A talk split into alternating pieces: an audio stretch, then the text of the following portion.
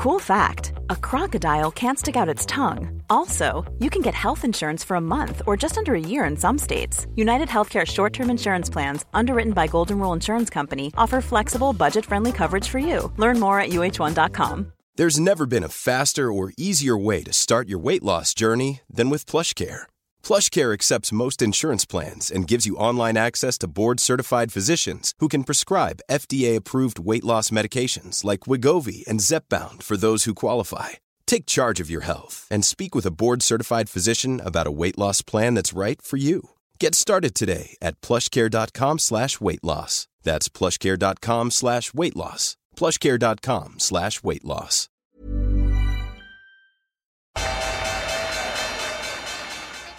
They mistook leverage for genius. Leverage for genius. I would recommend Japan. The governments don't rule the world. Velkommen til episode 157 av podkasten 'Tid er penger', en podkast med Peter Warren. Jeg heter Sverre og er produsent og trykker på start og stopp og deltar litt i noen diskusjoner.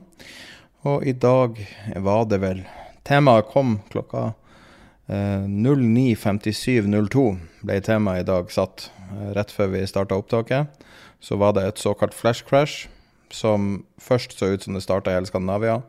Nå ser det ut som det starta i Stockholm. Spredde seg til eh, de fire viktigste skandinaviske markedene og gikk rett tilbake igjen.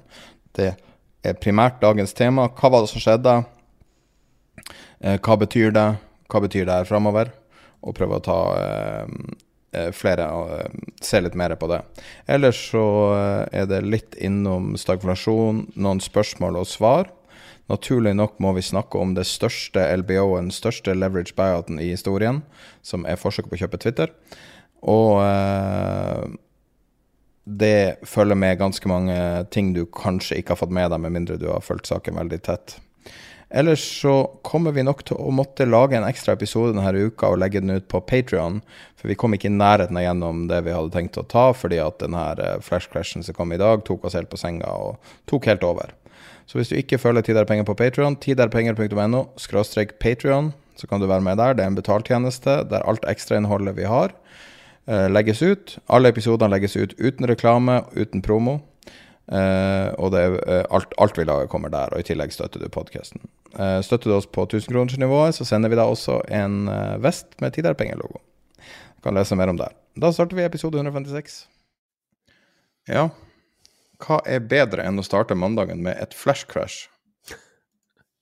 Ja, sant nok. Uh, og, og i mai, da, så hvor, eh, hvor det opprinnelige flashcrashet kom. Vi er vel litt tidlig ute for det. Mener Var det 2010, så tolv år siden? Ja, to, 2010, 6. mai. Og um, der, altså det, det, det morsomme er at felles for begge altså det, Jeg studerte på det tidspunktet, så, så, så var jeg forvalter, men samtidig studerte jeg eh, eh, psykologi i, eh, i, i Bergen. Så jeg var borte fra skjermen da, da dette skjedde, men vi hadde jo massevis av ordre inne. Og jeg, jeg, jeg fulgte en, eh, en, en venninne av meg til, til bilen, vi hadde spist lunsj sammen, så parkerte bilen, og på veien bort der så begynner tekstmeldinger å komme inn fra handelssystemet vårt. Og jeg ser på den første, og så tenkte jeg ja, den der håper jeg, den må noen kansellere, for den er jo langt utenfor der, det markedet er. Og så, så, så sier jeg ha til henne enda en tekstmelding, og da Jeg tror den første var euro-dollar, så var det euro igjen, og så var det dollar igjen, og så var det pund mot dollar og, Nei, unnskyld. Euro mot, euro mot pund var det. Ja, og pund mot dollar. Men i hvert fall, det, det kommer inn, og jeg ser disse komme inn på kurser som er så avvikende fra der hvor markedet skal være, at jeg spurter mot hotellet. Og kommer opp og, og slår på Bloombergen eh, der på, på den bærbare. Og da er Dow Jones Den har falt 7 og, inn, og så tar jeg med ytterjakken og henger den bak på stolen og snur meg igjen, og da er Dow Jones ned 9% på den tiden. fy faen. det, var, det var helt absurd. Absurd. Og vi hadde, inne, vi hadde ordre inne fordi vi var um, For vi hadde opsjonsposisjoner, så vi drev og kjøpte da kjøpte og solgte i forhold til disse opsjonsposisjonene. Så for oss var jo det der en veldig, veldig bra dag. Men dagen i dag er jo interessant i seg selv, fordi den opprinnelsen til det som skjer, er ikke på Oslo Børs, den er på Stockholmsbørsen. Så klokka eh, eh, 9.57 Da må 02. Uh, ja, det er litt, det er litt av det her, begynner, det her er litt problemet, da, fordi at man har ikke Altså, det er tricky å vite. Så uh, Stockholmsbørsen, det fallet starta klokka 9.57,02, og uh, på grafen min, eller i, i, i handelsdataen, så starta det på Oslo Børs klokka 9.57,08. Uh, det det virker som, er at det er ett kjøpsprogram som er lagt inn. Så når du ser på ja, salgsprogram. Uh, så når du ser på uh, megleroversikten på Nasdaq, mm. så ser du at rett før klokka ti så starter City å selge stor, til den store gullmedaljen. Det var en i Nordea som Nei, Nordnett som, som oppdaga det. Og så sendte sendte det ned Stockholmsbørsen Skal vi se på det meste, var den vel ned sånn 8% tror jeg. Ja. Eh, eller da, eh, København-børsen var ned 8. Ja. ja. Eh, og så ble eh, børsen i, i Finland ramma, og Oslo Børs i mindre grad. Helt isolert fra resten av markedet. Eh, på Oslo Børs så var det første tikk, tikken ned jeg så, som man kan si starten på det her, var Skipsted som uh, du så på de 30 mest omsatte på Oslo Børs, så ser du, hvis du grafer dem opp, så ser du at Schibsted tikker ned først. Og det er litt vanskelig å vite nøyaktig, fordi, fordi at det handler om Når man skal dissekere sånn her, så må man gå tilbake og vaske data og alt sånt. For det, er jo tick by tick, og det er jo, der er jo veldig mye data. Ja, det skjer jo på, på, på mikro- og millisekunder, egentlig. Ja, men, men, det er det at det er en ting, Man sier jo ofte at ting skjer i fort, i, i, raskt, men hvis det er noe uventa som skjer raskt, så er det ikke nødvendig at, altså at man har et svar på det. I et normalt marked så skjer ting i mikro- og millisekunder. Men når noe sjokk skjer, sånn som et flash crash, så har man ikke noe automatisk eh, dynamikker for å kjøpe og selge i sånne situasjoner. Så, så vidt jeg kan se, så er det her 100% sikkert, eller 100 er mye å si, men høy sannsynlighet for at det er mm, den, det som er ryktet, som er at 160 millioner ordre ble til 1,6 milliarder ordre fra mm. City. En salgsordre. Og det her kommer fra Goldman sin egen analyse. Så. Du må huske på at dette kommer fra London, og London i, i tillegg har Bank Holiday, så det er ikke det er ikke de, de, nødvendigvis de skarpeste hodene som sitter på desken akkurat når det Ja, men den Goldman-analysen altså Goldman jeg fikk, den mm. kommer fra den altså Det er min det, det høyeste kvalitetsanalysen fra Goldman, de folkene. Så det er de folkene som faktisk, hvis man skal prøve å finne ut hva som har skjedd Ja, Det var, det var ikke det jeg mente. Jeg mente at de som sitter og, og utfører ordrene Husk på, dette er en, dette, dette et all, etter all sannsynlighet er en basketordre. Ja. En basketordre består at de skal selge et antall aksjer. Og jeg, jeg holder på det jeg sa i sted, at, at opprinnelsen for dette var i Stockholm. Altså hvor hvor dette salget begynte. Og, når, når det, når det, og det, tror jeg TIC-dataene eh, viser, at det er, det er en, en, basket av aksjer som skal selges i, i, i Stockholm. Og, og, og, dette skjer hver dag. Dette er ikke noe, noe spesielt. Og, når man selger en, en, kurv av aksjer, så kan det være at den, den kurven har en veldig høy korrelasjon f.eks. med OMX-indeksen. Så så det kan ha med rett og slett programhandel i forhold til indeksen å gjøre, noe som ikke normalt sett har en stor effekt på markedet. Men, men, det, behøver, men det, behøver, ikke nødvendigvis være eh, andre lands aksjer i det, men, men det er godt trolig det, det, at det er det. Men, vi, men en sånn program, det settes i gang. altså Dette er, dette er et program som på forhånd er regnet ut uh, og, og, lagt inn i en, um, i en datamaskin, altså en, en execution-algoritme. Altså så Du lager den, den, kurven av aksjer, hvor, altså, og den vil da ha vektingen av aksjer i forhold til det du skal, skal, gjøre, for den er ikke lik. Så du har masse aksjer i denne kurven. Og det eneste som det eneste variable når disse kurvene er laget, og, og det er standard kurver som, som alle disse storbankene alle disse investeringsbankene har, er hvor stor Altså er antallet Det er der du regulerer. Og det er antageligvis der det har gått feil. Altså man har satt inn enten glemt komma e, eller et eller annet slik, og så har man trykket på én knapp, ikke sant, og det er, det er execute. Og da går denne her rett til markedet og begynner å, å, å selge disse aksjene. Og i seg selv så kan du tenke deg at hvis dette kun var svenske aksjer, så, så kunne du si at jøss, hva har det med Norge å gjøre, og hva har det med Finland å gjøre, og hva har det med, med Europa for øvrig å gjøre? Vel, verden i dag er global, og det vil si at, at de bankene, de investeringsbankene og de marketmakerne som stiller pris i Stockholm, stiller pris på alle andre børser. Citadel er, sant, er den største i, Oslo. De stiller over hele verden, den største marketmakeren i, i Norge. Og det som skjer, er, er at når når, når, denne basketen, akkurat denne, blir solgt, så er det jo andre som kjøper. Da er de andre investeringsbankene, de andre marketmakerne, og selvfølgelig ordre som ligger der på forhånd, som begynner å kjøpe disse aksjene, og det bare hyler til nedsiden. Det vi må huske på, er at de aller fleste som, stiller, som har priser på børs, har ikke tenkt å sitte på disse aksjene. Det er investeringsbanker som er marketmakere gjennom da algoritmer, roboter som vi kaller det. Og det de har som oppgave, det er å tjene penger så fort de kan på det. Og ikke bli sittende med store poster. Og hvorfor ikke? Jo, fordi etter finanskrisen så kom det regulering som gjorde at bankene enten kunne velge å øke egenkapitalen sin betydelig, dersom de skulle drive med den samme handelen som de gjorde.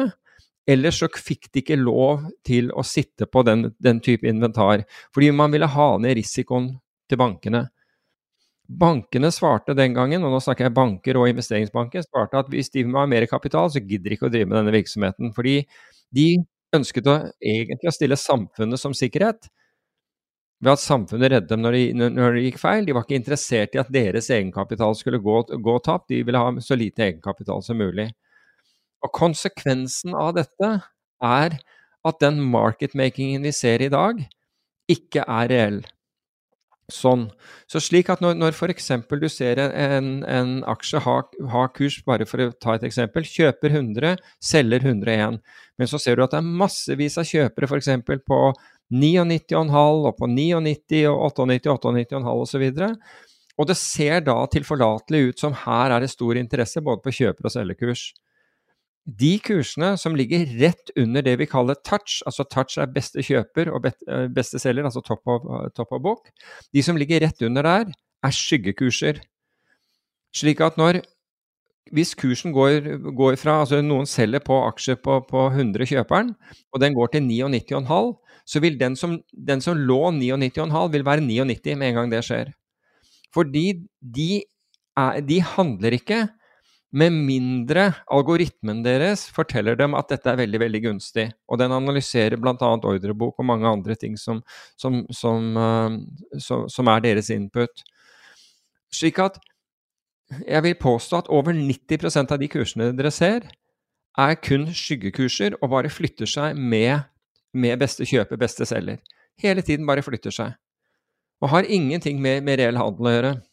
Så kommer en ordre sånn som i dag, som da brutalt treffer markedet, og nå smeller den til masse nivåer nedover. Hva, det, hva, hva som skjer da, er, er f.eks. at hvis, du, hvis en av de, de, de, aksjene de kjøper er innenfor ja, en, eller annen, en, eller annen, sektor, altså forsvarsindustrien, ja, det blir liksom litt mye akkurat nå, men en eller annen sektor innenfor dagligvareindustrien eller et eller annet sånt, og de begynner å få dette på seg. altså De begynner, de begynner å kjøpe disse, disse, algoene som egentlig ikke har tenkt å, å, å, handle. De bakker av, men la oss si at de begynner å kjøpe, så ser de at jøss, her kommer det mer selgere. Da leter de etter tilsvarende aksjer, altså tilsvarende selskaper, i de nærmeste økonomiene. Fordi de er marketmakere i, i, i, Oslo, de er marketmakere i København og de er marketmakere i Helsinki også. For å legge av den risikoen. Og dermed så flytter man markedet nedover.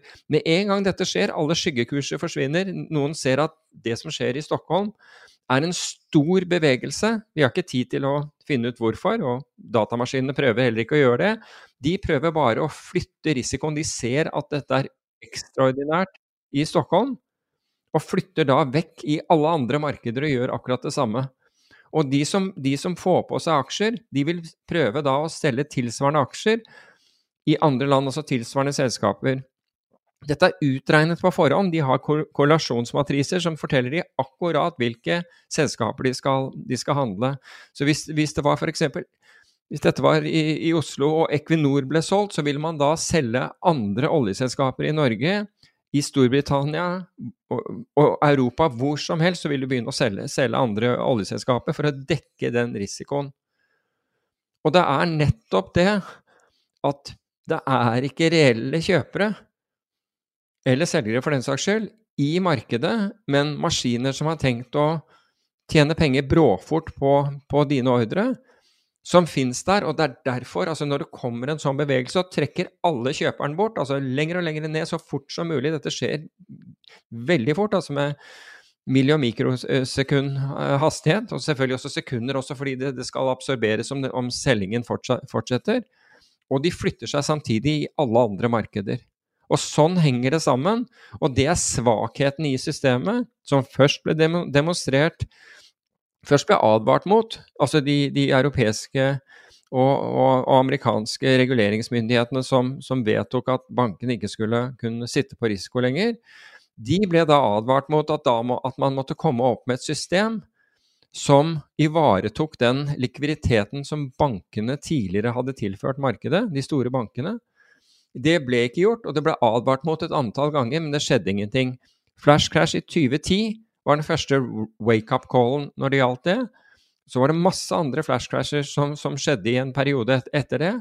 Så kom vi til 2015, hvor du, du hadde akkurat det samme. Euroen falt 40% i forhold til sveitserfranc.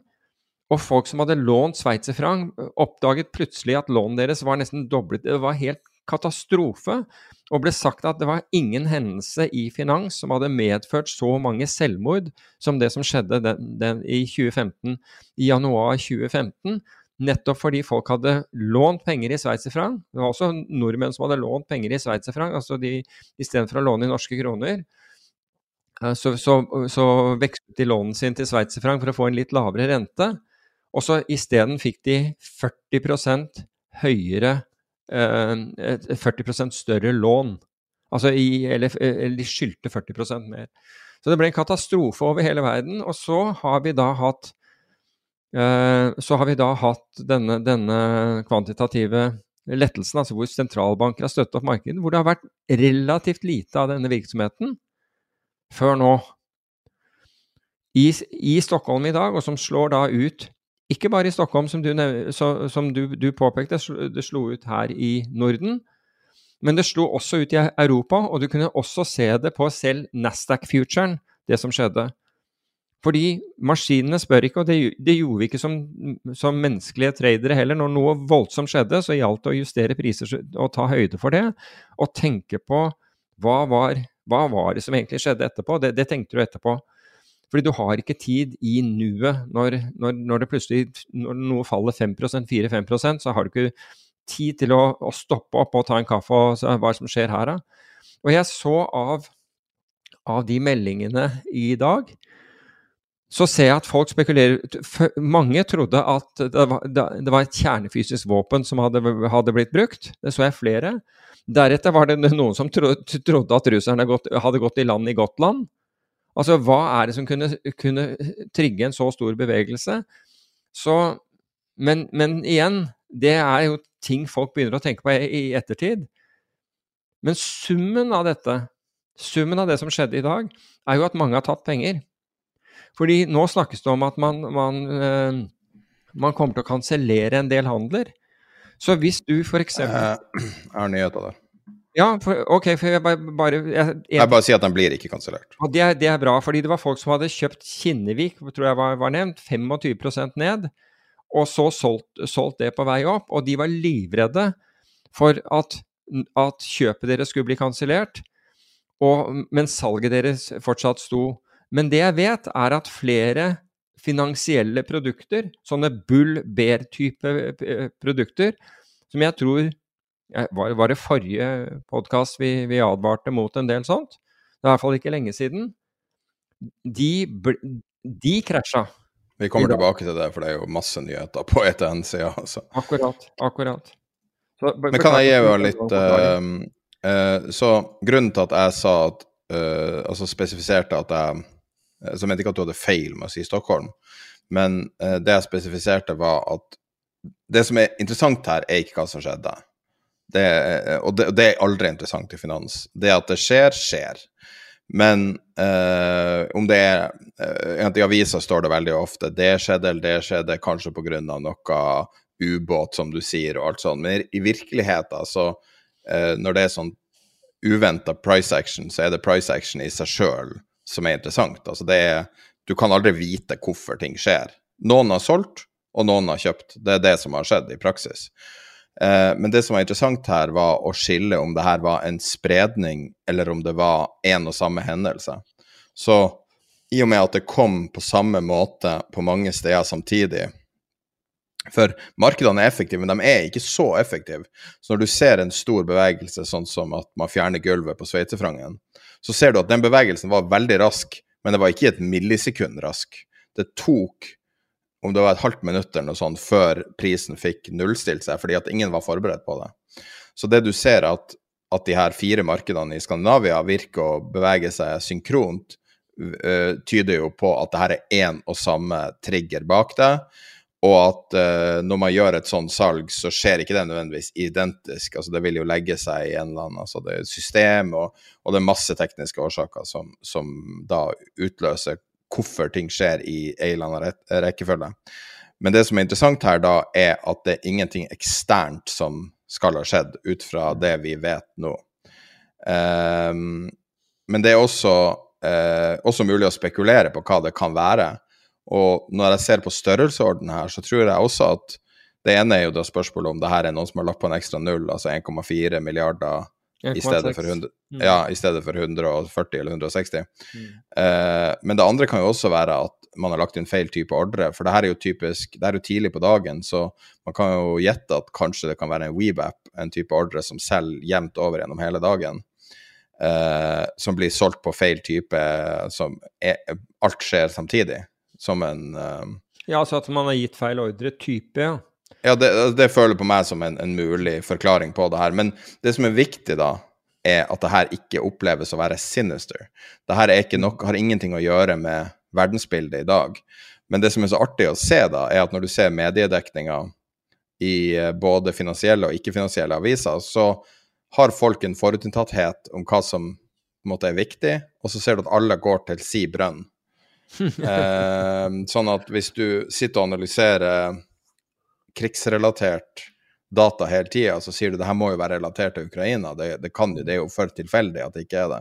Og hvis du sitter og, eh, og analyserer eh, bare algoritmehandel, så vil du si at det er en eller annen algoritme som har gått amok. Og hvis du eh, sitter og ser på makroøkonomi, så sitter du og drar sånne store makroøkonomiske eh, mm. trekk, fordi at det er det du gjør hele dagen. Svaret sannsynligvis er at det bare skjedde. Det kan være en feil, kan være ikke, men det er jo det som er det spesielle med finans, er at det er det som er svaret. Altså det faktiske narrativet, den historien å fortelle, det er noe man finner på seinere, og veldig ofte så er det sånn mm. ganske sannsynlig at det er det som er svaret. Men det, med det vi vet nå, basert på gode kilder, sånn som Goldman Sachs sin uh, algodesk, så er det sannsynligvis City. Vi har også second source data på at det er City som er selgeren. Ok, da vet vi det. Vi vet at, at de gjør store mm, mengder business i Skandinavia hver eneste dag. Um, og at måten det kommer ut på, ser ut som et, et eller annet program som bare sitter og selger og selger og selger. Og så gikk det over, ingen stor skade skjedd. Snakka med mm, en konsernsjef, blant annet. Vi ble jo kontakta direkte og indirekte av mange forskjellige rare folk. Og, um, og det ser ut som at det har rysta folk litt, men det er allerede ferdig. Ja, altså de, de, de, som virkelig har lidd her altså hvis du, hvis, du er, hvis, du er, hvis du, sparer i fond, da, for å si det på den måten, så har du ikke lidd av dette her i det hele tatt. Um, det er egentlig uinteressant. Det er, uh, det er liksom en uh, Ja, det er, det er for, for, deg så er det spil, Ja, det er en non-event. Ja, det er en non-event for deg. Det er som en rentebeslutning hvis du har fastrente. Ja, altså det er jo Men på, for, for de da som som, som, sitter i markedet, og som har tette stopplosser, og som hver dag driver og, for, og, og, handler og forsøker å gjøre noe, der har jo Altså hvis, hvis det ikke lå, lå, riktig vei, og, eh, så, så, har det jo vært ganske katastrofalt, ikke sant. Fordi stopplossordren deres har kanskje blitt blåst ut nær bunn, og fordi de Altså, de skulle bare redde seg fra en sånn katastrofedag, så du har kanskje en stopplås da jeg vet ikke, 10% ned på aksjer, eller hva, hva, det måtte være. Altså Med den belåningen som har vært i det siste, så har de kanskje stoppet enda tettere enn det. ikke sant? Altså Markedet, fall, markedet faller ikke mer enn 5% eller noe sånt nå. Eller, eller 7 eller hva som helst. Der, der har du en sånn stopplås som skal sørge for at du ikke går, går i ruin fordi du har kraftig belåning, og så er det bang, og så er det, det der utført. Og ikke bare blir den utført, men den, du risikerer at den blir utført på et mye dårligere nivå enn en du hadde tenkt, rett og slett fordi, det, fordi, markedet er tomt for kjøpere. Altså alle trekker seg, det er det, det, er det som skjer. er det meglere sier, at at eh, volumet har vært syltynt. Ja, nettopp. Så det her kommer på et forferdelig tidspunkt. Det er katastrofalt for de, ikke sant. Og, og, hva er lærdommen da ut av det? Jo, aldri ha stopplås i markedet fordi, videre. Men så kommer det en dag hvor, hvor det ikke er en tilfeldighet som gjør at uh, Eller en feil, teknisk feil som gjør at markedet faller, og så er det en god grunn for det. Og så, og så, og så gikk for formuen din rett og slett pga. det. Så, en ting som jeg også syns er interessant nesten alle jeg snakka med, satt ikke med terminalen sin når det skjedde. Virkelig? Altså, ja. Altså, jeg... Ja, altså, jeg snakka med, med masse forskjellige folk for å få et overblikk. Og ingen satt og så på meg, inkludert, satt ikke og så på terminalen når det skjedde. Nei, altså jeg ble, jeg ble oppringt av en, av en, journalist, og da var jeg, da var jeg på, ute med hunden og var Akkurat da drev han, drev han og badet. Um, og, og, jeg trodde at det var, det var noen andre, så jeg, tok telefonen. Så, så jeg, det var en tilfeldighet. Og når jeg kommer tilbake igjen, så ser jeg at ja, det var en ganske uhyggelig sak, det som skjedde. Selv om ikke jeg handler i, i, i uh, verken den norske indeksen eller, eller den svenske.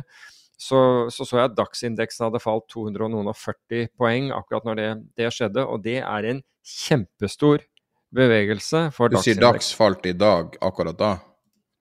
Ja, dags falt. 243 eh, eller 246 poeng faller, faller ja, det, det, har ikke jeg fått med meg. Jeg ser jo det her. Det... Dagsfuturen. Jo, ja, det, altså Nesten to prosentpoeng. Ja, og hvis du ser på Nasdaq, så var Nasdaq falt over 80 poeng uh, på, på, den bevegelsen. Og så så jeg ikke hva SMP-en, men jeg vil tippe at det utgjør nærmere 20 poeng på SMP-en eller noe sånt. Nå mellom, mellom 13 og 20 poeng på, på, på SMP-en som Så dette slo ut, dette slo ut globalt, bare så det er sagt.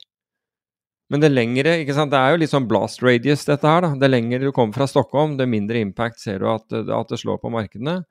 Men alle, du må huske på at de som er marketmakere i Stockholm og Oslo, København og Helsinki, er marketmakere i, i Frankfurt, de har marketmakere i London. Riktignok er det bank holiday der, så det er ikke, så, ikke, ikke så, mye. Men, uh, men i, uh, de, i, Amsterdam, de er hele veien nedover. Uh, Paris. New York og London, unnskyld, New York både på, på teknologi og de andre, de er, de er marketmakere alle steder hvor det er indekser. Jeg har interessant data her nå. Det traff Dagsen det her er bevis på det du sier. Det, tra det traff Dagsen klokka eh, 9.57,08, mm. eh, som var samme sekundet det traff Oslo Børs. Ja, eh, så det bekrefter det du sier, eh, som er at, eh, at det her eh, eh starta i Stockholm, og den spredninga til Oslo Børs, de seks sekundene var nok til å spre seg. Ja. At, det, at, det, at Oslo Børs kanskje er eh, jeg håper å si ramma Collateral. Eh, ja, collateral damage. Ja. At Oslo Børs ikke var en del, mens de tre andre Nå er vel eh, både eh, København, Helsinki og Sverige Nei, Stockholm er vel alle Nasdaq, er det ikke? Mm, jo, jeg tror det. Ja, Så det er jo logisk at den tre er på samme program, mm. sånn sett. Men da, da, tror jeg vi kanskje har et mer eller mindre komplett bilde, da. Det jeg, om tror også at vi har det. Sånn. For, ja, for, for, spa, altså for, aksjesparere, altså de som, de som, sparer i aksjefond, betyr dette her ingenting. Det betyr heller ikke noe, noe hvis du har en portefølje av, av, aksjer, med mindre du hadde en, en stopplås i det. Så betyr det også lite annet enn at, at, alt sånt viser Det det viser, da, er, er hvor sårbart og fragilt uh, systemet er. Og dette har vi snakket om så mange ganger at det, det er ikke reelle kurser. Uh, så dette, dette, er bare nok et bevis på det. Men hvis du er langtidsaksjesparer, betyr dette her absolutt ingenting. For de kortsiktige så kan, kan dagen i dag ha vært, en, uh, ha vært en katastrofe, dessverre. Så litt avhengig av hvordan Og, og det, hjalp, de hjalp, det, hjalp, ikke å ha spredd seg på, på, på, på, fem selskaper, for å si det på den måten, hvis du var på Stockholmsbørsen. Ja, men det, det faktisk Jeg syns uh, det er mer alvorlig når du ser den uh, seks sekunder diffen. Eh, og hvis det faktisk er spredning, og at det, det blir ramma Det er contagion. Jeg lover deg at det er contagion. Ok, Da er det hakket verre, fordi at det kunne utarta seg veldig, da. Ja, men, men, det du ser, er at ut ifra Altså, Stockholm da er, eh, er liksom midtpunktet for, for, detonasjonen, men det lenger du kommer ut, det, altså blast radius blir større og større, så ser du også effekten. Det er, nest, det er fysiske lover at, at, at play her. Uh, så ser du at uh, effekten er mindre. Også fordi du nå har absorbert ikke sant? Den, den sellingen er absorbert, den stopper jo på et eller annet tidspunkt, den sellingen, ikke sant? så den begynner å absorberes ved at, ved at, det kommer inn andre algoritmer. Det er jo det er tross alt en hel haug algoritmer i dag, fond som styrte, altså fond som vil være som hadde, som hadde, intensjon om å kjøpe svenske aksjer. Og de begynner nå å, å reagere og komme inn og, og, kjøpe. og Selv om det faller, så kjøper de kanskje mer fordi de er reelle kjøpere.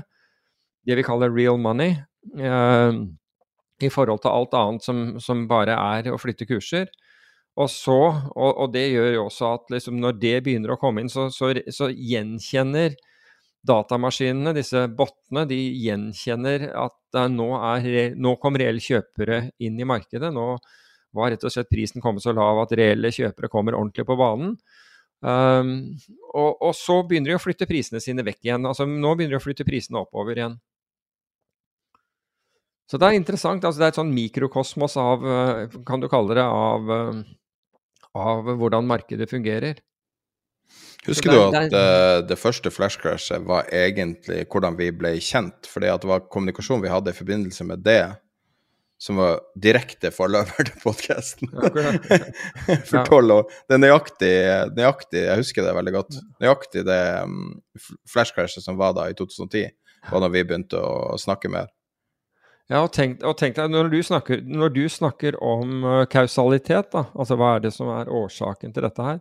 I det tilfellet så, så, så er det da en, en, indisk, litt autistisk indisk gutt som, sitter, som, som, som bor hjemme hos foreldrene sine, som har drevet og handlet i, i, i markedet, og som har faktisk slått av han har slått av datamaskinene og sitter og, og nyter en, en, chicken masala sammen med foreldrene sine da helvete bryter løs.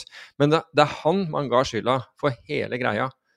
En guttunge som satt under innflyvingen til, eh, til, til Heathrow flyplass, det var der de bodde. Du har hengt deg veldig mye opp i akkurat det der. Hvorfor ja, syns du det er så artig at han bor under innflytelse? jo, men det bare viser, ikke sant. Altså man, det, hva var det myndighetene gikk etter? Altså det var så mange av investeringsbankene som man hadde påpekt hadde farlige algoritmer.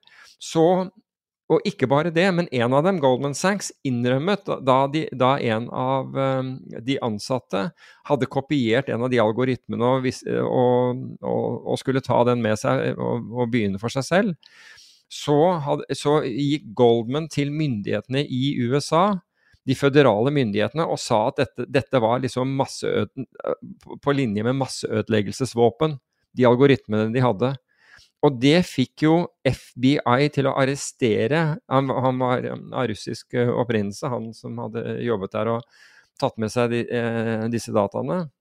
Og han ble da arrestert av jeg mener FBI, men Homeland Security var også inne i bildet i, for, i, i forbindelse med det. Jeg tror hele saken rant ut i sanden til slutt.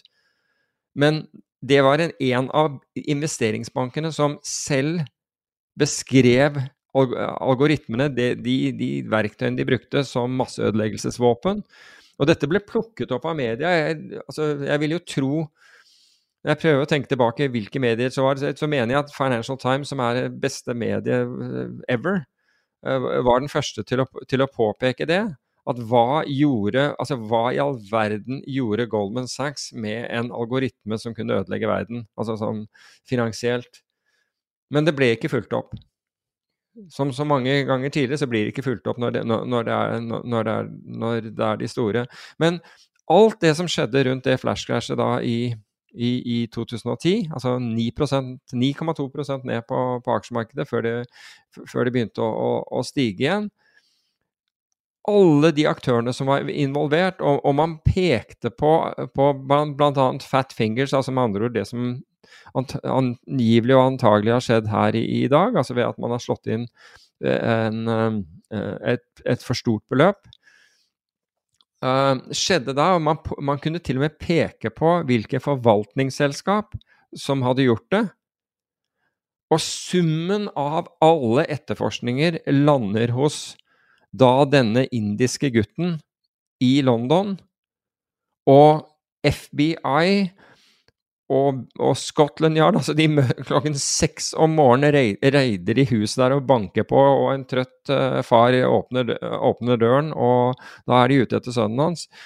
Og han blir tatt, med til, eh, til, uh, til, politistasjonen og arrestert. Og senere blir han utlevert til USA, hvor han påpeker for amerikanske finanstilsynet hvordan bankene og de andre driver i markedet, for han klarer å identifisere det. Og de blir, de blir ekstremt takknemlige for det, og noen blir bøtelagt for det osv. Men han er den ene som blir satt inn.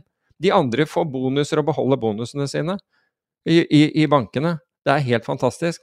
Men han blir til slutt sluppet for den tiden han har served, altså med andre ord den tiden han har sittet inne i påvente av rettssaken, og for hans innsats for, eh, for, at myndighetene skulle forstå hva, hva, som foregår, så anbefalte de ham at han Jeg tror ikke han får lov å, å røre tastaturet e, etterpå.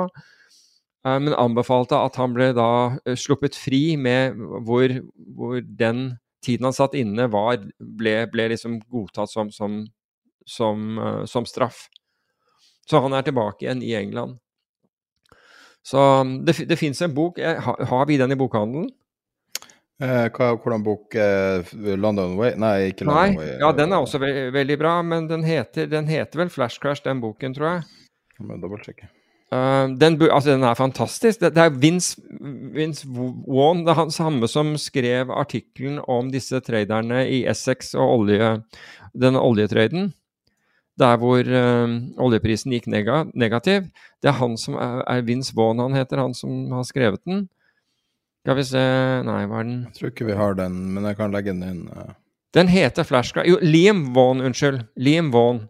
Vaughn skrives V-A-U-G-H-A-N. Kan legge den inn som forespørsel.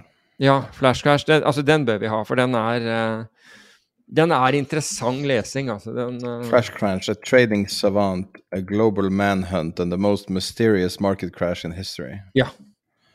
Den er høyaktig. La oss få den inn i bokhandelen for uh, lyttere. Den bør dere lese. Mm. Men jeg, altså, jeg syns det er veldig egentlig veldig bra altså, jeg, Selvfølgelig, jeg syns ikke det er bra at folk har tatt penger i dag, de som har gjort det.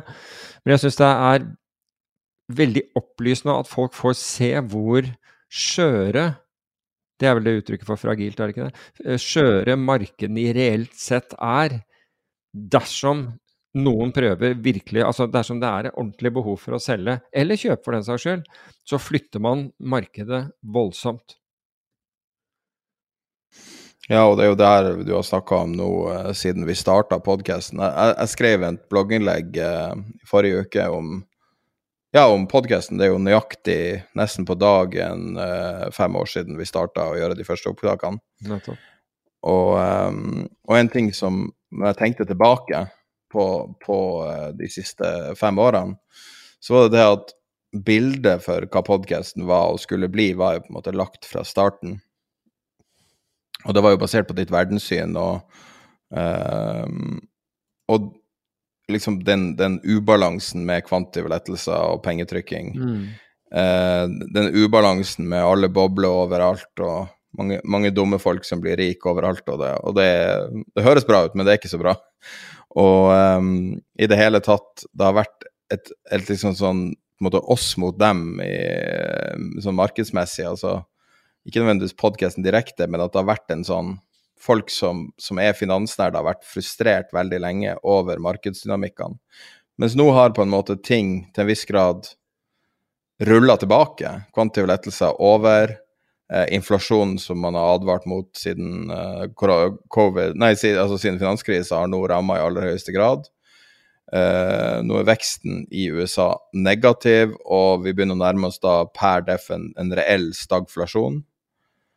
Og du ser at veldig mye av de her psyko prisingene har reversert. Jeg hører snakk om at det er minimum 50-60 eh, nedprising i venture-verden. Og at ting begynner å normalisere seg. Men samtidig så var det en artig kommentar i, i helga som, som, jeg leste om, eh, om markedet som har vært, og, og, det var ignorer det. Fordi at det her er Det handler, har ikke med virkeligheten å gjøre. Markedet er ikke billig fordi at det er ned fra all time highs. Det er fortsatt sinnssykt høyt priser.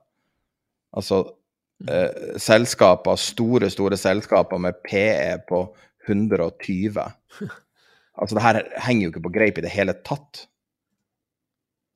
Nei, det, de gjør ikke det, Sel, selv, om noen selskaper begynner å komme ned. Men jeg så også noen sånn prisbok fra, fra USA. Det, var, det, det, så ikke pent ut, for å si på den måten.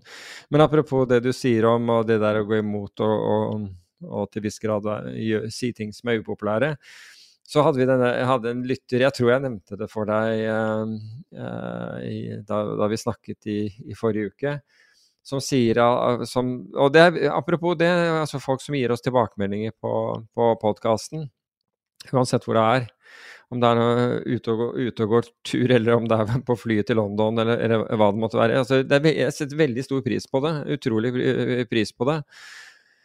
Eh, eh, for, de som gjør det. Og, og, og, der og da så kan det really make my day, må jeg si. Um, alvorlig talt, altså folk tar seg den der tiden til å, til å si det, og, og det, kommer, det, kommer, alltid overraskende. og kommer liksom i situasjoner som jeg er helt, helt uforberedt på det. det er, eh, men, men vit at, at det, det, blir satt pris på. Men så var det denne lytteren i, i forrige uke som, som tok kontakt og, og skrev om podkasten. og og, og, sa at han syntes det var veldig bra, og, det, og var den eneste han, han, han hørte på. Og, og, så spurte jeg liksom hvorfor det, altså hvor, hvorfor oss, fordi det er jo mye podkaster der ute. Og Han sa at eh, dere, dere, forteller det meglerne og bankene ikke vil, vi, ikke vil, at vi, skal vite. Og så sier jeg til han kan jeg få lov å sitere deg på det. Han sa ikke med, ikke med navn. Til det, til det har, jeg, har, jeg et, har, jeg, et, forskjørt uh, forhold til banken min. så jeg syns det, det, det, var morsomt. Men, uh, men, men, vi gjør kanskje altså jeg, tror det, jeg tror vi setter på en måte lys på ting som ikke nødvendigvis uh, andre syns at det er like greit å fokusere på, fordi det passer ikke inn i, inn i salgsplaner eller, eller, hva som helst. Og det er jo greit. nok. Men jeg er litt uenig med det. Altså, okay. Jeg er uenig med det der at, at de Altså, jeg er enig med at de ikke vil du skal vite, men jeg tror ikke det nødvendigvis er malice. Det er at det Altså, finans er komplisert. Det er kompliserte historier. Å begynne å snakke om infrastruktur er komplisert. Så jeg tror at en, det trenger ikke nødvendigvis å være at de at de prøver å, å liksom pulle fast one. Det er minst like mye at du har ti sekunder å snakke med en kunde på. Du kan ikke begynne å snakke om infrastrukturen mellom børshandler og, og snakke om mikro- og millisekunder. Nei, men, men, nei, nei, det er jeg helt enig i. Akkurat i dette tilfellet jo, men akkurat i dette tilfellet så tror jeg det er mange som, som egentlig ønsker å, å, å, forstå hva i helsike var som skjedde der. Og, men innen vi kommer ut, så kan det godt hende at det er, er common knowledge, men, men, det er ikke eh, poenget mitt. Men, men vi, vi, fokuserer jo på ting, altså sårbarheter i, i systemet og, og, den type ting. Og det, og det, passer ikke veldig godt inn i salgssamtaler når du, prøver å, prøver å få noen til å kjøpe noe av deg. Og det, det skjønner jeg. Men Spørs hva du selger, da ja, men, men, men jeg, jeg, føler Ja, det gjør det. Men, men, jeg, jeg føler på en måte at allikevel at det er en gjensidig respekt, da. Fordi det er jo meglere som, som henvender seg, det er meglere som, uh, som, som støtter oss i, i Patron og, og, og, så videre. Og når jeg, når jeg, snakker med dem, så er det en, en gjensidig respekt for, for, det, for, for det man gjør. Det er ikke sånn at man får kjeft for å ha sagt noe jeg, jeg, føler ikke at Og, og sånn, sånn, følte jeg en periode, og det er lenge siden riktignok, og før podkasten. Da følte jeg at, at, folk ble rett og slett forbanna fordi man, man, opplyste om ting. Men det føler jeg ikke nå lenger. Nå føler jeg på en måte at markedet er mer profesjonalisert. Og noen debatterer med meg heftig på, på, på f.eks. Messenger, og, og, ikke, og, vil ikke at jeg skal sitere. og det, det, er også helt fair, fordi vi har forskjellig syn på ting. Uh, men, jo, ja, og, men også negative ting blir positivt. Jeg husker jeg ble kontakta av en hypermektig person i Norsk Finans, og, og den var uenig med noe som hadde blitt sagt i podkasten. Og det endte jo opp med Altså, det var jo bare en vennskapelig samtale, og det endte opp med bedre innhold framover og sånn, og, og Altså, det der verden med på en måte Altså, i veldig gamle dager så var jo liksom Oslo Børs innsidebørsen, og folk satt og, og tegna tikkere på, uh, i suppa på teaterkafeen, var det som var sånn, gammel, sånn way back, liksom. At det var signaler å sende til hverandre. Men den verden er jo for lengst borte, og de som jobber med finans da, er for lengst pensjonert og ute av gamet. Og jeg tror at, at finans er en helt annen eh, Altså norsk finans er en helt annen verden. Og, og, du ser Jeg syns du ser liksom sånn som vi snakka om eh, den der med, med, Thomas Nilsen, og hvordan han i, i First Fund han kommuniserte med kundene, og de hadde gjort ei mm. feilinvestering. Noe vi aldri har sett før. Noe mm. sånn at, altså Det at han sa 'jeg gjorde en feil', var så bemerkelsesverdig at det var verdt å snakke om i en ti minutter, eller hvor lenge vi snakka ja, ja. om det. Ja, ja. Og, og, det Altså, bare det at, at, Og igjen, han da, som bruker, har en blogg og, og lager YouTube-videoer og, og, er aktiv på Twitter og sånne ting, det er jo litt det nye finans. Du kan selvfølgelig klare deg helt fint med å holde på på gamlemåten, men de framtidige kundene, dem som er 20 og 30 år nå, og kanskje under det også, de har helt andre forventninger enn den, dem som uh, har holdt på siden 70- 80-tallet, tror jeg. Ja. Men poenget mitt er at, at i de der debattene Altså Debattene er på, en, på, et annet nivå, føler jeg nå. altså De der som, hvor de går direkte på, altså, direkte på ikke, ikke personlig, men, men tar direkte kontakt. Og, og, og, der er det jo ofte, føler jeg, at, liksom, at, at jeg blir tilført også uh, tilført uh, kunnskap. Det er det at jeg har et, et, syn, og så har de det motsatte synet. Men når de argumenterer for, for sitt syn, så, det, så det, kan det ofte være at jeg blir tilført kunnskap uh, på basis av det også. Så, så ja, anyway. Vi er der vi er. Ja, jeg, jeg, tror det er ok. Fem år. Femårsjubileum ish. Ja, det, altså, det må vi jo ta, feire nå. Så, ja, altså, vi feiret jo Vi hadde jo en sånn juleavslutning et år. Det, det gikk jo mm, for seg noe enormt. Jeg, jeg, jeg, tror det var totalt to øl som ble konsumert. Ja, og, og, ja, og, og, og, var det ikke to pizzaer også? Jeg tror det. Jeg tror det. Jeg, tror, jeg tror det var så gærent som det. Så det, det skal ikke undervurderes. Nei, det er akkurat som Exit. Ja. ja, det var liksom Tok en helt ut. Tok en helt ut. Hvor man skal gå videre nå, altså. Det er um... Kan ta en enkel eh, spørsmål og svar, da. Et par, eh, vi har fått inn noen spørsmål siden sist. Eh, nå skal vi vel touche litt mer inn på det her temaet, men kan du svare noen, på noen få eh, setninger med hvordan kan det ha seg at Twitter handler på 49 dollar når media skriver at Elon Musk allerede har kjøpt Twitter. Ja, for, for over 54 dollar. Eller, altså, svaret på det er at når det kommer et bud, uh, så, er, så, er, det to ting som må tas i betraktning. Det ene er hvor lenge det går til du får pengene dine, og det er kosten av penger i mellomtiden. Så den er jo relativt begrenset, i hvert fall med de rentene vi har. Men det er et påslag. Så det er det ene som gjør at, at prisen i dag ikke er, ikke er like høy som som, som, som budprisen. Det andre er alle de betingelsene som kan være knyttet til et slikt bud. Og betingelser som er knyttet til et bud, øker usikkerheten. Så forskjellen mellom, bud, altså mellom budet og hvor kursen handler, reflekterer da denne usikkerheten. Og her er det store fond som kun driver med dette hedgefond, som kun driver med akkurat den type eh, Det kalles oppkjøpsarbitrasje, og ser på den usikkerheten. Og Hvis de mener at usikkerheten er priset inn, så, så, så, vil, de, så vil, de, kjøpe eh, aksjen. Hvis de mener at den ikke er priset inn, så, kan det være at de, de selger den short, rett og slett. Men det er, det er, egentlig det som utgjør forskjellen. Og jeg så noen hadde, hadde gjort en eh, beregning på Bloomberg, for Bloomberg har jo ferdig algoritme hvor du kan legge inn alle, alle fakta. Og jeg mener at den kom til at det var mellom 33 og ja, jeg mener det, ca. litt over 33 sannsynlighet for at det budet ville, ville Altså at, at, han faktisk ville, ville kjøpe det. At det ville ende slik. Så jeg, det, det, er min, det, er ikke, det, er ikke min, vurdering, bare så det er sagt. Jeg har ikke noen vurdering, jeg har ikke sett nok på det. Men når det gjelder Elon Musk, så må jeg si at jeg ville ha priset inn en usikkerhet. Det er helt klart. Skal vi Ja, vi må nesten vi må nesten ta saken. Jeg vet ikke om vi skal gjøre det med en gang, for det er jo så mye som har skjedd der. Eh, det er veldig mye feil informasjon når du er i generelle medier om det. Det var derfor jeg stilte spørsmålet på den måten jeg gjorde, fordi at mm. Det blir rapportert om, at, om han har kjøpt Twitter. Han har ikke kjøpt Twitter. Han har budd på Twitter. Mm.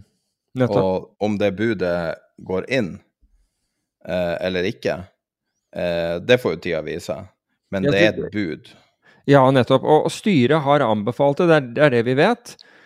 Men, men, det betyr ikke at, at det er closet.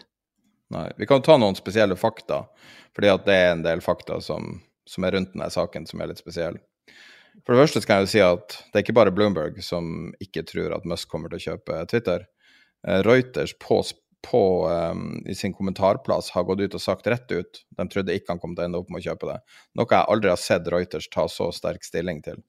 Uh, så det kan man jo De, de forventer at det her kommer til å ende opp med at han går fra det. Mm. Uh, det finnes historikk fra tidligere kjøp. Det var blant annet uh, Uh, Warren Buffett eier et eller annet matselskap, nå husker jeg ikke hvordan det var. Og da skulle Elon Musk ut og ta opp konkurransen med han og lage sitt eget vaffelselskap, eller hva det var. Det gikk han bort fra. Han har mange sånne historier med å gå bort fra, så det er ikke helt umulig at han går bort fra Vi hadde en i Norge, var, var ikke det i fjor, eller var det i forfjor? Altså, og det, Denne aktuelle aksjen som nå har skiftet navn, den het NBT, men jeg husker ikke hva den heter nå, husker du?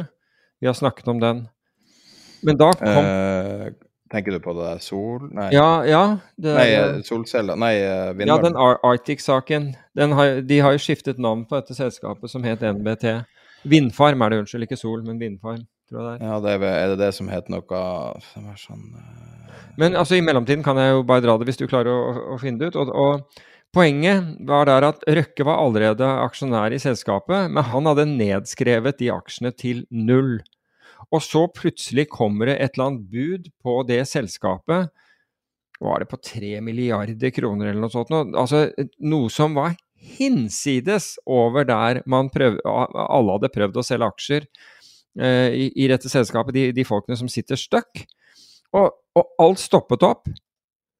Men det, lå da det sto at det, det var betingelse med budet, og så gikk, pågikk det en masse greier for å, for, for å prøve å, å, å snu snu en del av disse aksjeposisjonene. Altså at folk som da hadde sittet i dette her, andre ble anbefalt at nå er det jo et bud her, så nå burde man kjøpe osv. Fordi eh, aksjen handlet så vanvittig langt under budet. Men hele saken endte da opp med, og det må innrømme akkurat den så jeg på forhånd. Altså det, akkurat, akkurat, den var, følte jeg var ganske sikker på.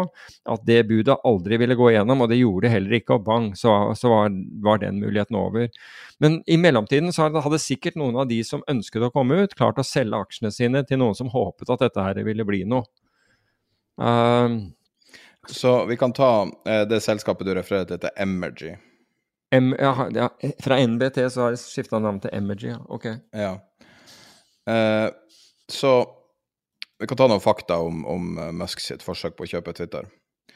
Uh, hvis han bryter avtalen uh, også, Jeg tror det er han personlig som prøver å kjøpe det, det jeg har skjønt. Så det er en personlig kontrakt mellom han og selskapet, ikke, ikke gjennom Tesla, ikke gjennom et corporation, så vidt jeg vet. Kan være at det men det er han personlig. Mm. Uh, avtalen er at hvis det hvis de vil gå fra avtalen, så er det 1 milliard dollar fra han eller Twitter hvis man bryter avtalen. Eh, problemet er at denne avtalen inneholder masse, eh, masse klausuler, deriblant en no disparagement clause. Og eh, man kan si at Musk har trolig brutt den eh, det vil si at Du kan ikke snakke dritt om selskapet du skal kjøpe. Og eh, det betyr at denne avtalen om at han kan gå fra dealen med 1 milliard dollar i kostnad, det kan være at den ikke er gyldig. Og det kan bety at han sitter da uh, on the hook for 21 milliarder dollar, som er da hans egenkapital i denne eh, dealen. Uh, I tillegg, hvis du er, på, er du på regnearket nå? Nei, ja, det er Hvis du scroller ned til linje uh, uh, 22, nei, 206, jeg legger det med i nyhetsbrevet, det her, så er det en oversikt over hvordan han har finansiert dette kjøpet her, på 46,5 milliarder dollar. Så da 21 milliarder stammer fra han. Ingen vet hvordan han klarer å stille 21 milliarder, og uh, trolig klarer han ikke det også, at det er mellom linjene at han ikke har, han har absolutt ikke 21 milliarder dollar cash. Han har solgt aksjer for ikke 21 milliarder dollar, så man får se da om, om det ryktene er at han prøver å overtale noen til å være med. Morgan Stanley stiller 3,5 milliard i et uh, Eller det er fordelt på to lån. Det ene lånet er på 13 milliarder. Da er det Morgan Stanley, Barclays, Bank of America, noe som heter MUFG, BNP Paribas, japanske Misuo og Société General, som uh, i, i, fallende størrelsesorden stiller da totalt 13 milliarder dollar i et, um, i et lån. I tillegg så er det 12,5 milliarder som blir belånt, altså der Tesla-aksjer blir belånt. Da er det Morgan Stanley, Barclays, Bank of America, MUFG, Credit Suisse, BNP Paribas, Sidebank, Deutsche Bank, RBC, Misuo, Socgen og CIBC. CIBC, ja. Det er en del av de bankene som, som, som, som lånte penger til Achegos. ja, artig. det er artig. Ja. Og Morgan Stanley har jo et veldig langt og tett forhold til, um, uh, til Musk, fordi hans uh, høyrehånd kommer fra Morgan Stanley opprinnelig. Uh, sånn at det er, det er hvordan dealen er strukturert nå. Problemet da er at han allerede begynner å bryte avtaler som han historisk sett man vet han ikke bryr seg så mye om. Uh, sånn at han risikerer allerede nå ganske mye. Altså 21 milliarder dollar uansett hvem du er, er ganske mye å må ut med da, hvis du bryter en avtale.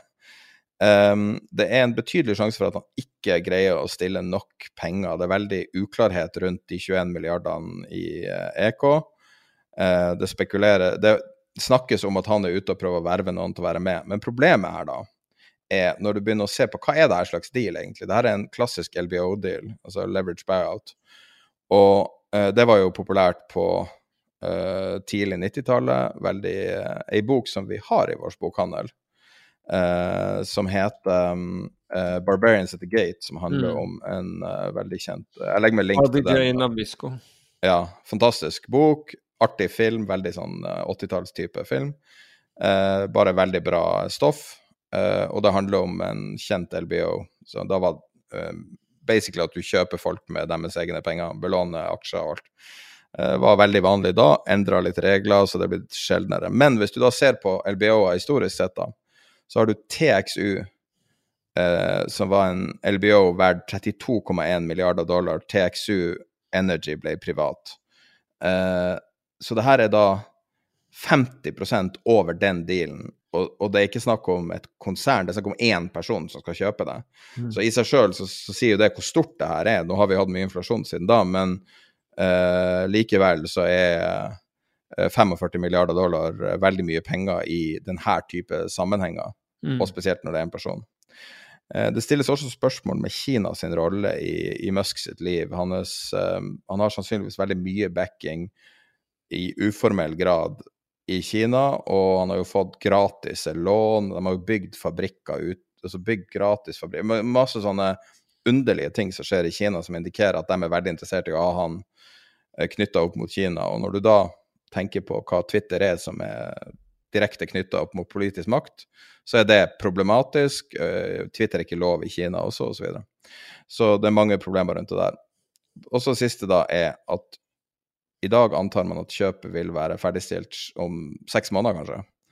Eh, for det er artig nok, samtidig som valget i USA skjer og Kina eh, vedtar sin nye femårsplan, eller hva det er. Så det er mye som henger sammen med det her, og, og det at de møter så mye motstand nå, lover jo dårlig for denne delen. Og det at den er så skitten fordi at det er så mye rare ting blanda inn i det, lover jo også dårlig. Folk vil ikke blande seg opp i en sånn en. Eh, en annen sak er jo at det er noe veldig lite naturlig interesse for Twitter. Det har vært et notorisk dårlig drevet selskap i alle år eh, økonomisk. Og eh, det var ingen andre som eh, bydde um, mot Musk. Og tidligere så har det vært snakk om at Google kanskje kjøper, Musk, nei, kjøper Twitter. Men det var pga. dataen. Det er et veldig logisk kjøp. Uh, og de har ikke meldt interessen, noe som indikerer da at det her sannsynligvis er grovt overprisa, helt på toppen av markedet. Han priser dem på peak, eh, når man nå samtidig får beskjed om at man skal begynne å revurdere alle verdsettelser, fordi at nå, nå har verden forandra seg. Så summen av det her ser ganske dårlig ut for Musk, syns jeg. Så de 33 prosentene kanskje er optimistisk. Ja, og det er vel det som gjengis i den, uh, den Bloomberg-kalkulatoren, tenker jeg. Men uh, hvem vet? Han har jo klart de mest utrolige tingene. Han virker å være immun mot å feile, så mm. uh, han klarer det helt sikkert nå også. Men um, det er en deal som tiltrekker seg veldig veldig mye oppmerksomhet, det er veldig mye drama i det. Um, og så kommer det jo også på et dårlig tidspunkt, så det virker jo som en nesten irrasjonell handling å gjøre det her. Ja, jeg vet ikke hvorfor. Altså, jeg kontrollerer media. Man uh, vil jeg tro at uh, ha, Det er jo ikke bare han som forsøker å eller, Som har gjort store investeringer i, i uh, medier. men Så dette er hans, og dette, dette, er i tilfelle det største. Men for den som, den, altså måten man regner på dette her, da, det, det, jo, det ene er jo at du regner på den avkastningen som du da får hvis, hvis den er 49 og skal til 54, så regner du på på, på, den avkastningen, og så, altså, så, tar du høyde, så legger du inn, så legger du inn rentekosten, for, eller det du ja, rett og slett kosten av penger i, i, perioden.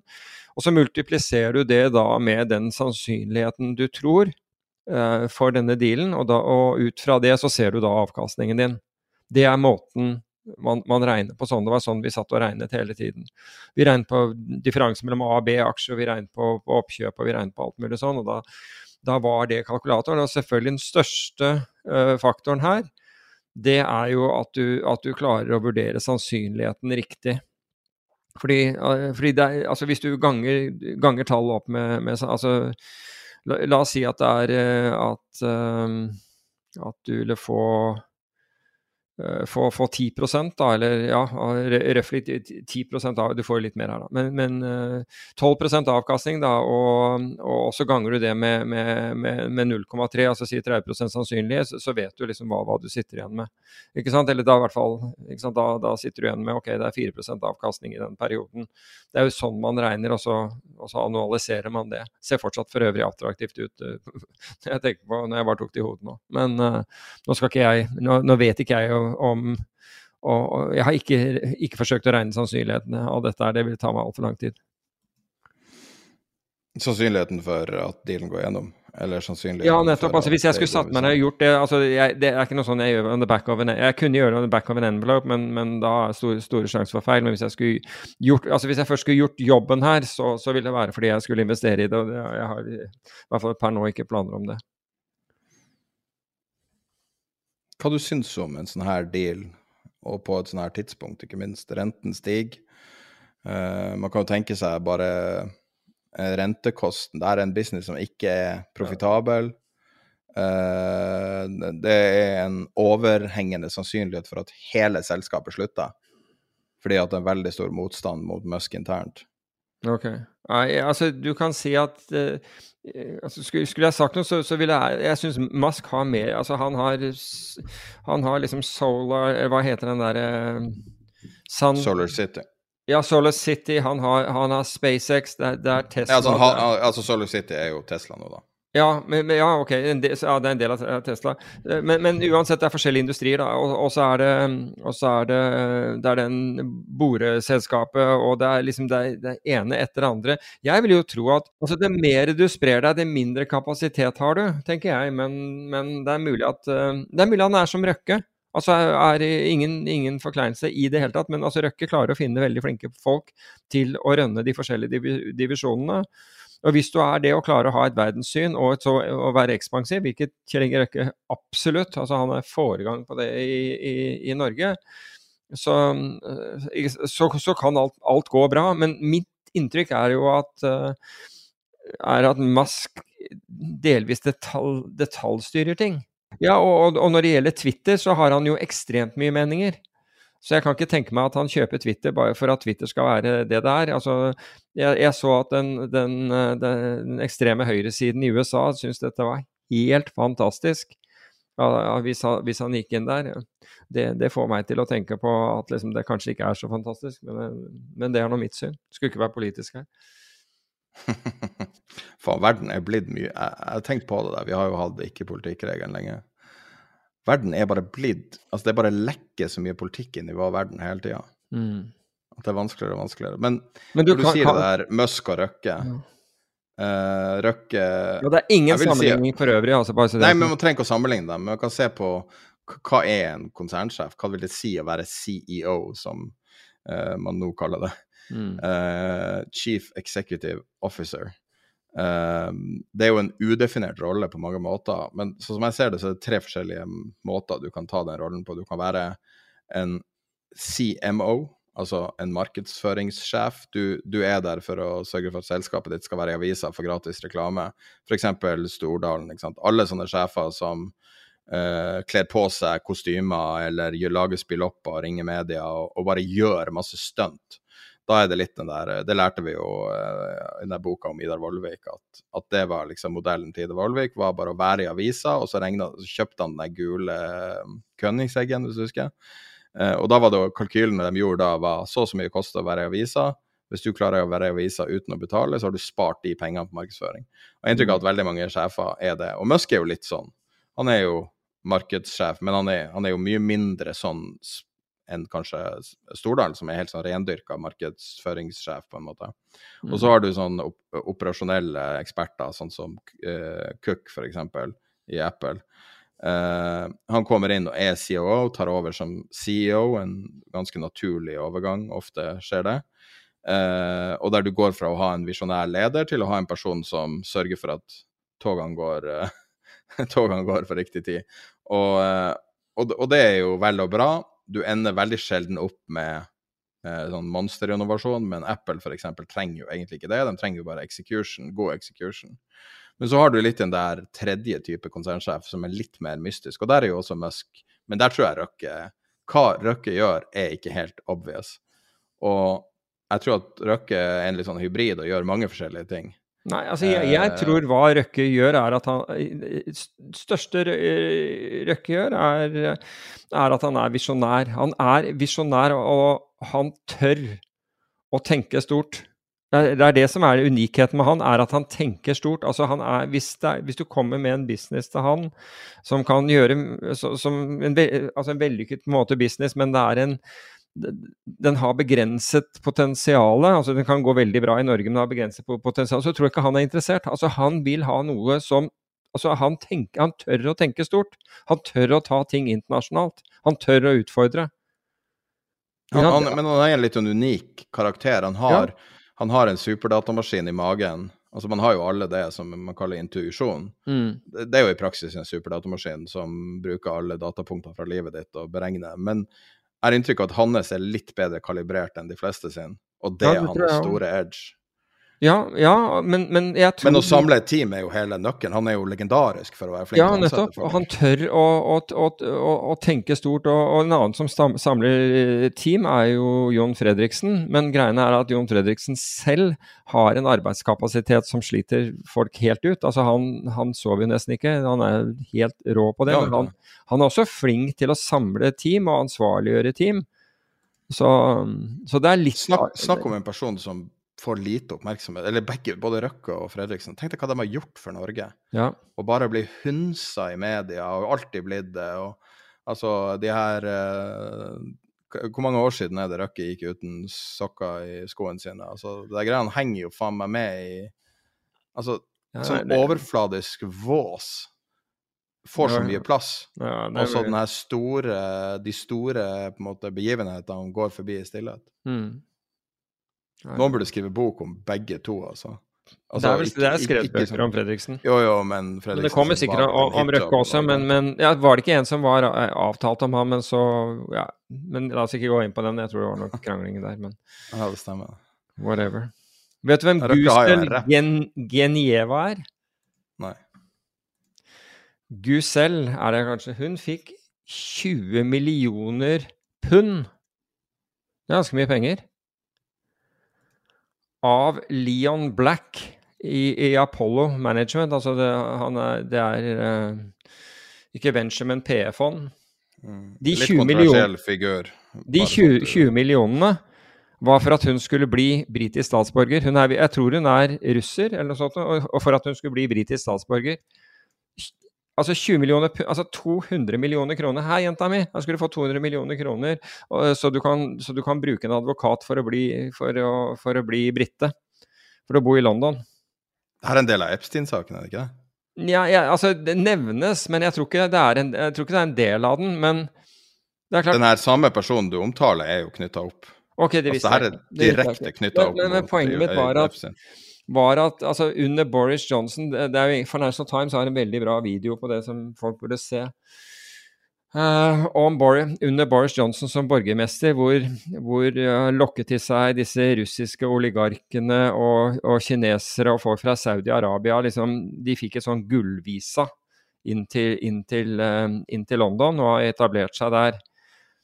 Og jeg må innrømme at jeg blir litt sånn flau over å være brite etter å ha, etter å ha sett den vi videoen, fordi du Altså, det Altså, ifølge Financial Times så huser da Storbritannia noen av de, jeg håper å si, noen av de verste kriminelle i verden. Overser alt, og bare fordi de har, nok penger. og Det vil du ikke tro at et land, i hvert fall nå, nå er selvfølgelig subjektiv i dette her, uh, som England ville gjøre, men, men det, det, det skjedde. Og så kommer denne, plutselig denne saken med hun uh, med, med Guzell opp, og har fått 200 altså Jeg vet at advokater tjener godt, men liksom når du har fått 200, her er det 200 millioner kroner Det skulle akkurat holde til han advokaten som, som klarer å få deg, eh, deg eh, britisk pass. Jo da, men man må Holy ha litt shit. color på det her. Altså, så hun har Altså, den samme dama har jo også hatt en uh, uh, har, jo, har jo vel vært i retten, eller fikk et, et forlik med han direkte knytta opp mot hans kobling til Altså samme person, samme dama og, og eh, uh, Leon Black opp mot Jeffrey Epstein. Ok. Altså, Leon Black måtte jo gå fra stillinga si i Apollo Mm. av koblinga til Jeffrey Epstein. ok. Uh, han er en av de aller verste i den der saken, så uh, okay. Så det er, det, er veld, det er veldig alvorlig. Ja. han ender vel sikkert livet sitt på, på, i et fengsel et eller annet sted. Alle de, jeg, jeg regner med at til slutt så Ja. Jeg hørte en, en, en vits om eh, Men den, jeg vet ikke om den går på norsk. Om, om advokater, og det var Vet du hvorfor Hvorfor advokater aldri blir utsatt for haiangrep når de bader? Nei, kjør. Professional courtesy. Jeg vet ikke om den går på norsk, men på engelsk er den ganske bra. Hvis du skjønner. Jeg syns den, den er bra på engelsk. Det er litt sånn, det er litt sånn harry med sånne her eh, advokatspøker, men de stemmer jo litt. det som er problemet. Ja, ja. Altså, det, det, det, var en liste, det var en liste av dem hvor Jeg jeg har jo masse advokater i familien, så jeg har ikke så lyst ja, ja, til å gå djevel, ja, Djevelens advokat. Uh, men det, det var en liste av, eh, av spøker der, men tro meg, den der var den mildeste, for å si det på den måten. Yes. Hadde vi, Um, vi hadde vel et eller annet spørsmål Hadde vi ikke et spørsmål til? Uh, jo, et sånn Kan jeg ta den? Det, altså det var oppfølging om dette med, med trading investeringsmodeller som vi ble spurt om i, i, i forrige uke, og så tenkte jeg etterpå at jeg kunne jo forklart det enklere. Og altså, en tradingmodell er ikke noe annet enn en regel du lager for handelen din. Um, og den regelen, altså du bare bestemmer en sånn regel for handelen din, og den kan være bestem, at, at du bestemmer at hvis uh, jeg skal kjøpe aksjer på, på, på åpningen på torsdager og selge de på åpningen på mandag, det kunne være en, en regel. Og så skriver man det der inn i en algoritme, og så tester man det bakover for å se om det er noe hold i den. Og så må du selvfølgelig ha regler rundt det igjen, for stop loss og take profit og sånt noe. Uh, men det er en type regel. Så det er rett og slett regelstyrt handel hvor, hvor en algoritme gjør det, hvor, hvor målet er at du ikke skal måtte bruke din egen kapasitet utover det å, å starte modellen, som da utfører handelen for deg, som da gjør det, det, det, du skal. Det er den enkleste måten å forklare det på. Ja. Um, det har vært uh, litt selskapsresultater siden siste episode. Mhm. Uh, og en interessant faktor med det er jo at eh, kvartalsresultater nå begynner å bli vektlegges som makroøkonomisk data, noe jeg ikke har sett før. Der folk som jobber med eh, å trekke noe rundt makroøkonomi, er blitt mer og mer opptatt og påpeker det skriftlig at eh, selskapsresultater vil måte lede an, at det er en, ofte er en bedre indikator enn mange av de her makroøkonomiske indikatorene. Eh, men det kan jo også være artig å se på, på selskapene bare som selskaper. og Amazon er jo gigantisk, en av verdens største, og, og la fram tall siden siste episode. Men Goldman hadde en fin uh, gjennomgang av det. Når du ser, Tenk deg Amazon. Da tenker folk nettbutikker, da tenker folk enorme lager, uh, millioner ansatte. Hvis du tar AWS, Amazon Web Services, og du ser på prisinga fremover, og du ser på prisinga i markedet, og så gjør du noen kalkyler basert på assumptions av Goldman, så er all Amazon og så tenkte jeg alle, tenkte jeg nettbutikk, tenkte jeg all logistikken, alle bilene som er ute og leverer varer hver dag, alt sammen i hele verden, det er verden null i henhold til markedet. Mm. AWS, Amazon Web Services, er deres asset. Og det er jo f.eks. deres største kunde er jo Netflix, f.eks. Og de har uh, vært en slags backstop av hele det oppstartsøkonomien. Uh, være, um, å være serveren til alle de her nye firmaene. Uh, så det er jo litt bekymrings... altså litt grunn til bekymring at det er så viktig for dem, nettopp fordi at så mange selskaper som Netflix begynner å få alvorlige problemer. Og hvis det er én ting som er kjensgjerning i oppstartsverden, så er det at de beregningene du får fra AWS, er helt grusomme, fordi at det er sinnssykt dyrt med, med, hosting. Og hvis du får ting til å funke, så blir det fort veldig, veldig dyrt. Mm. Jeg syns bare det var interessant, fordi at når man putter det i den virkelige verden, og du ser hele Amazon, som er hele, hele um, alle nettbutikker på jorda er jo redd for den dagen der Amazon kommer inn i landet ditt, og alle butikkjeder i Norge sitter de jo og forbereder seg på Amazon, som foreløpig ikke, ikke er. Og alt er null verd i henhold til markedsprisen. Mm. Men, men, det du sier om, øh, om, det at man begynner å, å bruke det som, er, det som, jeg vil kalle mikrodata, da, altså data på, på, selskapsinntjeninger og sånt noe, i et makroperspektiv, det syns jeg er helt naturlig at man, man, gjør. Enten altså fordi her er det snakk om at du, du innhenter fra mange, ikke sant, når, når du gjør det, og, og, og da blir nærmest mikro det blir makro. Fordi de tallene blir signifikante, altså verdien av de tallene blir signifikante hvis du henter inn fra nok. altså fremtidig Men i dette tilfellet er det ett selskap det snakker om? Ja, ja. Altså, ett et selskap kan aldri bli et makrodata. Uh, det er det det har blitt nå? Ja, altså, men, men da, da, legger du føringer for det og betingelser rundt det. Men i utgangspunktet så kan ikke ett tall fra en, en bedrift bli et, egentlig et makrodatapunkt i seg selv. Du, da, da, er det noe du velger å gjøre pga. betydningen av akkurat det selskapet. Mulig at du har rett. Mulig du har rett. Men ellers så vil jeg jo tenke på, på å bruke mikrodataene, altså dataene fra selskapenes inntjening og og, og, fremtidig inntjening, hvis de på en måte er selskaper som, som leverer det de, de, sier de gjør, så vil jeg ta og, og sette det opp mot uh, de rene makroforecastene som er der. Altså makro, hva heter forecast på norsk? Um, makroprognosene. Og se om det stemmer overens. Om, om, disse tingene stemmer overens. Altså jeg samler inn nok mikrodata til, til at jeg, jeg, jeg, får At jeg tror på at jeg tror på det jeg ser. Um, fordi det blir form for flerkildeverifisering. Og så, og så holder jeg det opp imot det som, det som er makrodataene. Det som er det store i øyeblikket, et, etter min oppfatning, hvis vi skal bare dvele over makro et øyeblikk, siden vi har så stor uh, prisoppgang i, innenfor råvarer, innenfor uh, energi og, og, for så vidt lønninger og, og alt, alt stiger, uh, det er Altså, du kan, du kan, Når det gjelder råvarer, så er det jo relativt enkelt, fordi du har, du har tilbud- og etterspørselssiden. Og tilbudssiden den er svært begrenset i, i, i, råvarer, og det gjør at etterspørselssiden har vært villig til å betale stadig høyere fordi prisene har blitt høyere fordi det fins mindre av dem. Og så i tillegg har du hatt flaskehalser i, i, i, i shipping.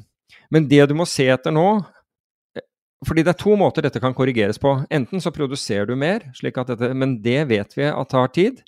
Tenk deg øh, øh, det å, å, å, plante mer eller, borre, eller lage øh, flere gruver eller hva som det, det tar tid. Så, så, vi vet omtrent hvor lang tid det tar. Men i mellomtiden så må vi følge med etterspørselssiden, fordi etter hvert som varene blir dyre Nå ser jeg allerede igjen i butikken at folk begynner å legge tilbake varer. Altså de ser på Oi, helvete! Og så legger de det tilbake igjen. Så vi, vi, er, vi er nær et infliction point nå, virker det på meg. Men nå, nå ser jeg dette her med relativt få datapunkter, og, og, da må vi liksom ta høyde for at dette er ganske få datapunkter. Kan du gå litt mer i dybden på hva du mener nøyaktig inflection pointen? Er det det at, inflection, at hvor, eh, hvor, du får tredjedel Altså ja, ja, hvor du begynner å strupe etter, hvor etterspørselen struper seg selv. Ja, akkurat. Etter, så reaksjon på inflasjon. Ja. Så, så, så, enkelt kan det sies. Så enkelt, så, så enkelt kunne det også sies. Um, men jeg, jeg, jeg, begynner å se, se, noen tegn på det, men det, det, det er, ikke nok data til at, til at, jeg kan si at dette Nå skjer det. Men, men jeg ser definitivt noen uh, punkter på den skalaen hvor folk sier nei, vet du hva, her, dette er for dyrt. Jeg, jeg dropper det. Men jeg, jeg har en Ja, droppe er én ting. Eh, no, no, Eller ser etter alternativer, ikke sant. Det, det er mulig. Men alle som har studert økonomi, jeg studert økonomi, og, og, det du lærer på skolen, da er bl.a. substitute goods. Ja. Altså, eh, og da vil det være Du bytter ut Coca-Cola med Nå vet jeg ikke hva det er. Eh, I gamle dager heter det Hakon Cola. Jeg vet ikke hva det heter, sånn butikk-cola. Eh, så koster det da la oss si fem kroner i stedet for 30 kroner, eller noe sånt. Mm.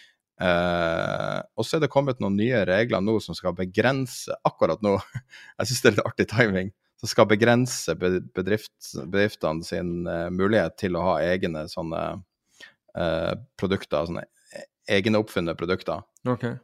At wow. prosenten av sånne produkter de kan ha i butikken, skal visst reguleres. Mm. Så det kommer samtidig som alle de her tusen andre prisøkningene. Nå kommer, som du nevnte, nye bompriser i Oslo. Og så skal de faen meg begrense muligheten din til å kjøpe substituttvarer. Da er det bare Sverige igjen, altså. Vi må jo rett og slett bare sette opp bare et sånt tog som går fem millioner mennesker til Sverige for å handle oss tilbake. altså, jeg trodde vi skulle flytte fra liksom, fossil til, til, eh, til uh, elektrisk, men nå begynner det skal, skal heves ting så dramatisk på den elektriske siden. Jeg bare gir opp, jeg. For øvrig er det ganske interessant til det der regnestykket til uh, Vedum, hvor han mener at 3,7 uh, lønnsøkning i 37 000 kroner mer i inntekter, og, og begynner da å, å, vise hvor Og det gjør det jo for, for, så vidt. Men så vidt jeg vet, så er ikke den inntektsøkningen skattefri, er den det? Jeg mener, what the f? Glemte du at det er skatt i landet, eller? jeg gir opp, altså. Er det mulig? Skal jeg være litt optimistisk, da? Ja, hva er det. Det var mye bearish faenskap her nå. nå det har vært en litt spesiell dag, jo, men jeg føler ikke noe sånn bearish sentiment. Nei, det, jeg, jeg syns ikke det. Og det er nett Ja, sier du, nå sier du noe der. Så eh, rundt kvartalstallene nå, så er det jo begrensninger for hvor mye buybacks du kan gjøre. Mm. Eh, som er knytt Altså det er rundt Du har sånne fryseperioder. Og eh, Goldman sier at den perioden er vi i nå, som forsterker fallet på børs, noe som jeg tror helt klart på. Og eh, på SMP 500 så skal buybacks øke 12% i år, til 1000 milliarder dollar. Og det er totalt en, altså en tredjedel av etterspørselen i mm. verden. Og det forventes at CapEx, altså investeringer i uh, forskning, og, forskning og utvikling, skal stige med 9 og um, så summen av det her kan være at uh, vi får nå en faceripper, altså et faceripper rally som er helt ekstremt når alle forventer nedgang, og så kommer det en megaoppgang. Hvis noe sånt skulle skje, at vi, at vi plutselig rammes av enorm etterspørsel av selskapene sjøl. Ja, altså april var jo den måneden hvor alle som jeg så i finans, inkludert eh, journalister, var helt overbevist om at her skulle det stige, for her hadde man så mye statistikk. Og så er det dette her med conditional probabilities. da. Var noen av, hadde noen av de statistikkene tatt hensyn til, eh, til, eh, til, til krig i Europa og, og, og, og, stigende rente og stigende råvarepriser osv.? Nei, antageligvis ikke. Men, men altså det kan jo hende. Men jeg har også lest den Goldman-rapporten, men det rare var at der de anbefalte at du kjøpte via opsjoner Du skulle bruke opsjoner. De var ikke mer sikre enn at de ønsket at folk skulle bruke opsjoner fordi de var redde for nedsiden. Det var i ikke amerikanske aksjer, Ikke europeiske aksjer, ikke norske, men i kinesiske. Der ville jeg bli. Poenget mitt var at, at, jeg begynte å lese nedover og syntes det der det, det, Dette ser bra ut, tenkte jeg sånn nedover. Og så China? Ok. Vi har vært i opsjoner. Good one. Ja. Men um, altså for det første, Goldman er jo generelt vennligsinna mot Kina, så, så, det må man jo diskontere. Mm. Men poenget var at cherrypicka veldig for å, for å, klare å være optimist. Jo, men la oss, du skal, være, altså, du skal jobbe litt hardt for å være optimist. Videre, altså, nå har vi fått en smell i dag, men som jeg sa, sa for de 99% av aksjesparere så er, ikke, så, er dette en, så er ikke dette et komma engang. Ikke sant? Det er, det er, en, ikke, det er ikke en, det er, det er ikke sak. For oss som er nerder mot dette, så er det en sak. Men for dem, ja, ja, det er en sak for strukturen. Men det er en sak for Dagsrevyen òg. Ja, åpenbart. men det skjer ting nå som er litt mer sånn skummelt når det kommer til at vi ruller Altså, vi har hatt ei spekulativ uh, boble nå. Mm. Uh, folk har tapt skjorta. Uh, jeg sitter bare og gremmes og tenker på han Howard som har sagt han ikke har solgt Robin Hood. Når jeg snakka med han, husker du i sommer, ja. da var han milliardær i dollar. Ja. Det er han ikke nå lenger, altså. 80 ned. Men ja, folk har tapt skjorta. Tidligere milliardærer er nå bare millionærer.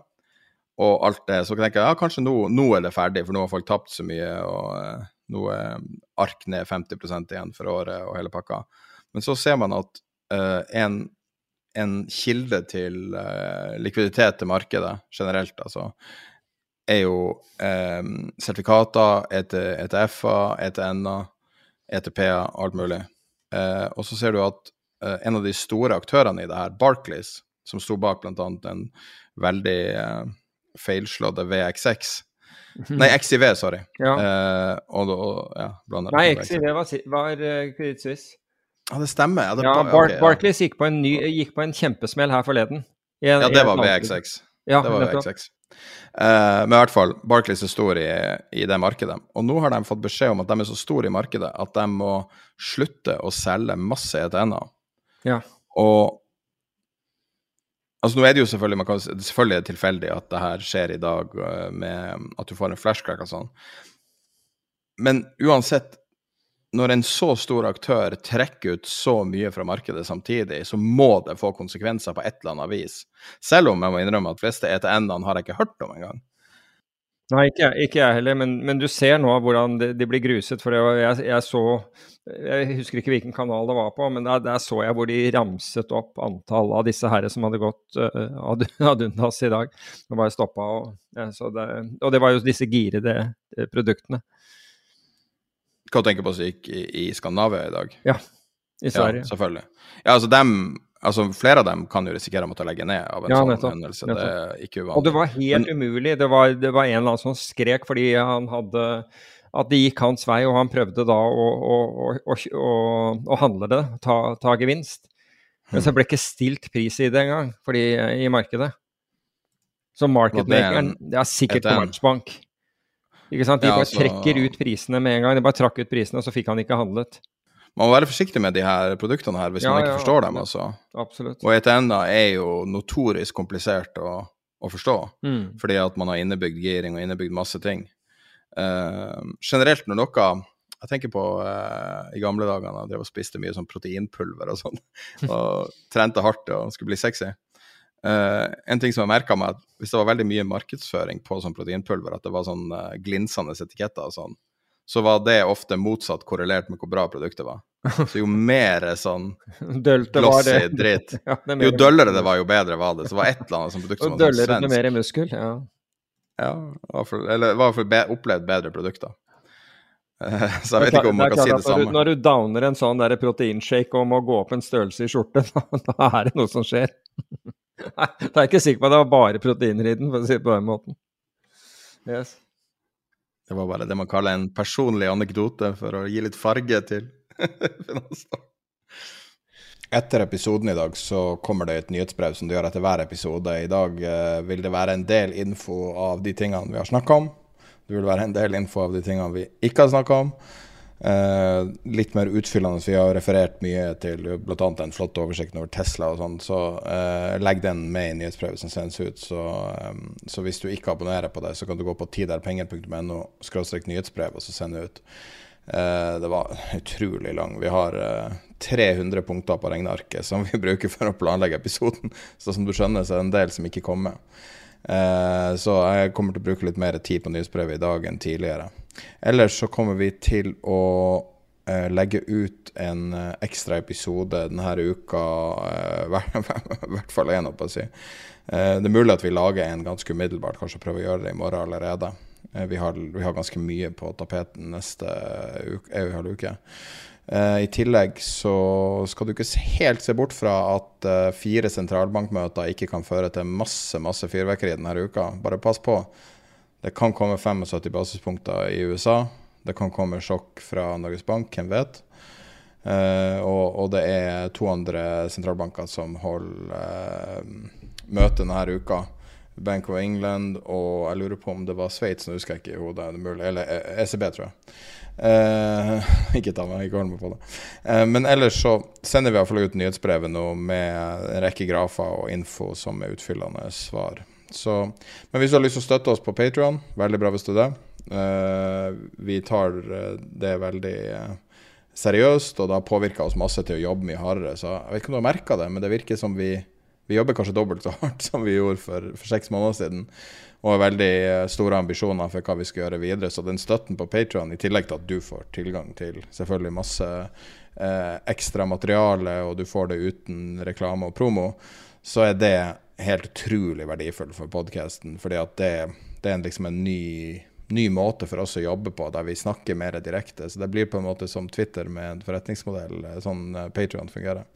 Så vi starta episoden med å promotere det, og avslutter med å promotere Patrion. Um, og så tror jeg vi er tilbake da uh, senere denne uka, med mindre noe skulle skje. Det er ikke et løfte, men sannsynlig kommer det. Og i tillegg så eh, kanskje hvis noe ekstraordinært skulle skje. Og så kommer vi tilbake mandag. Vi har allerede en artig gjest eh, booka, og det er mye, mye som ligger klart nå. Ha det fint.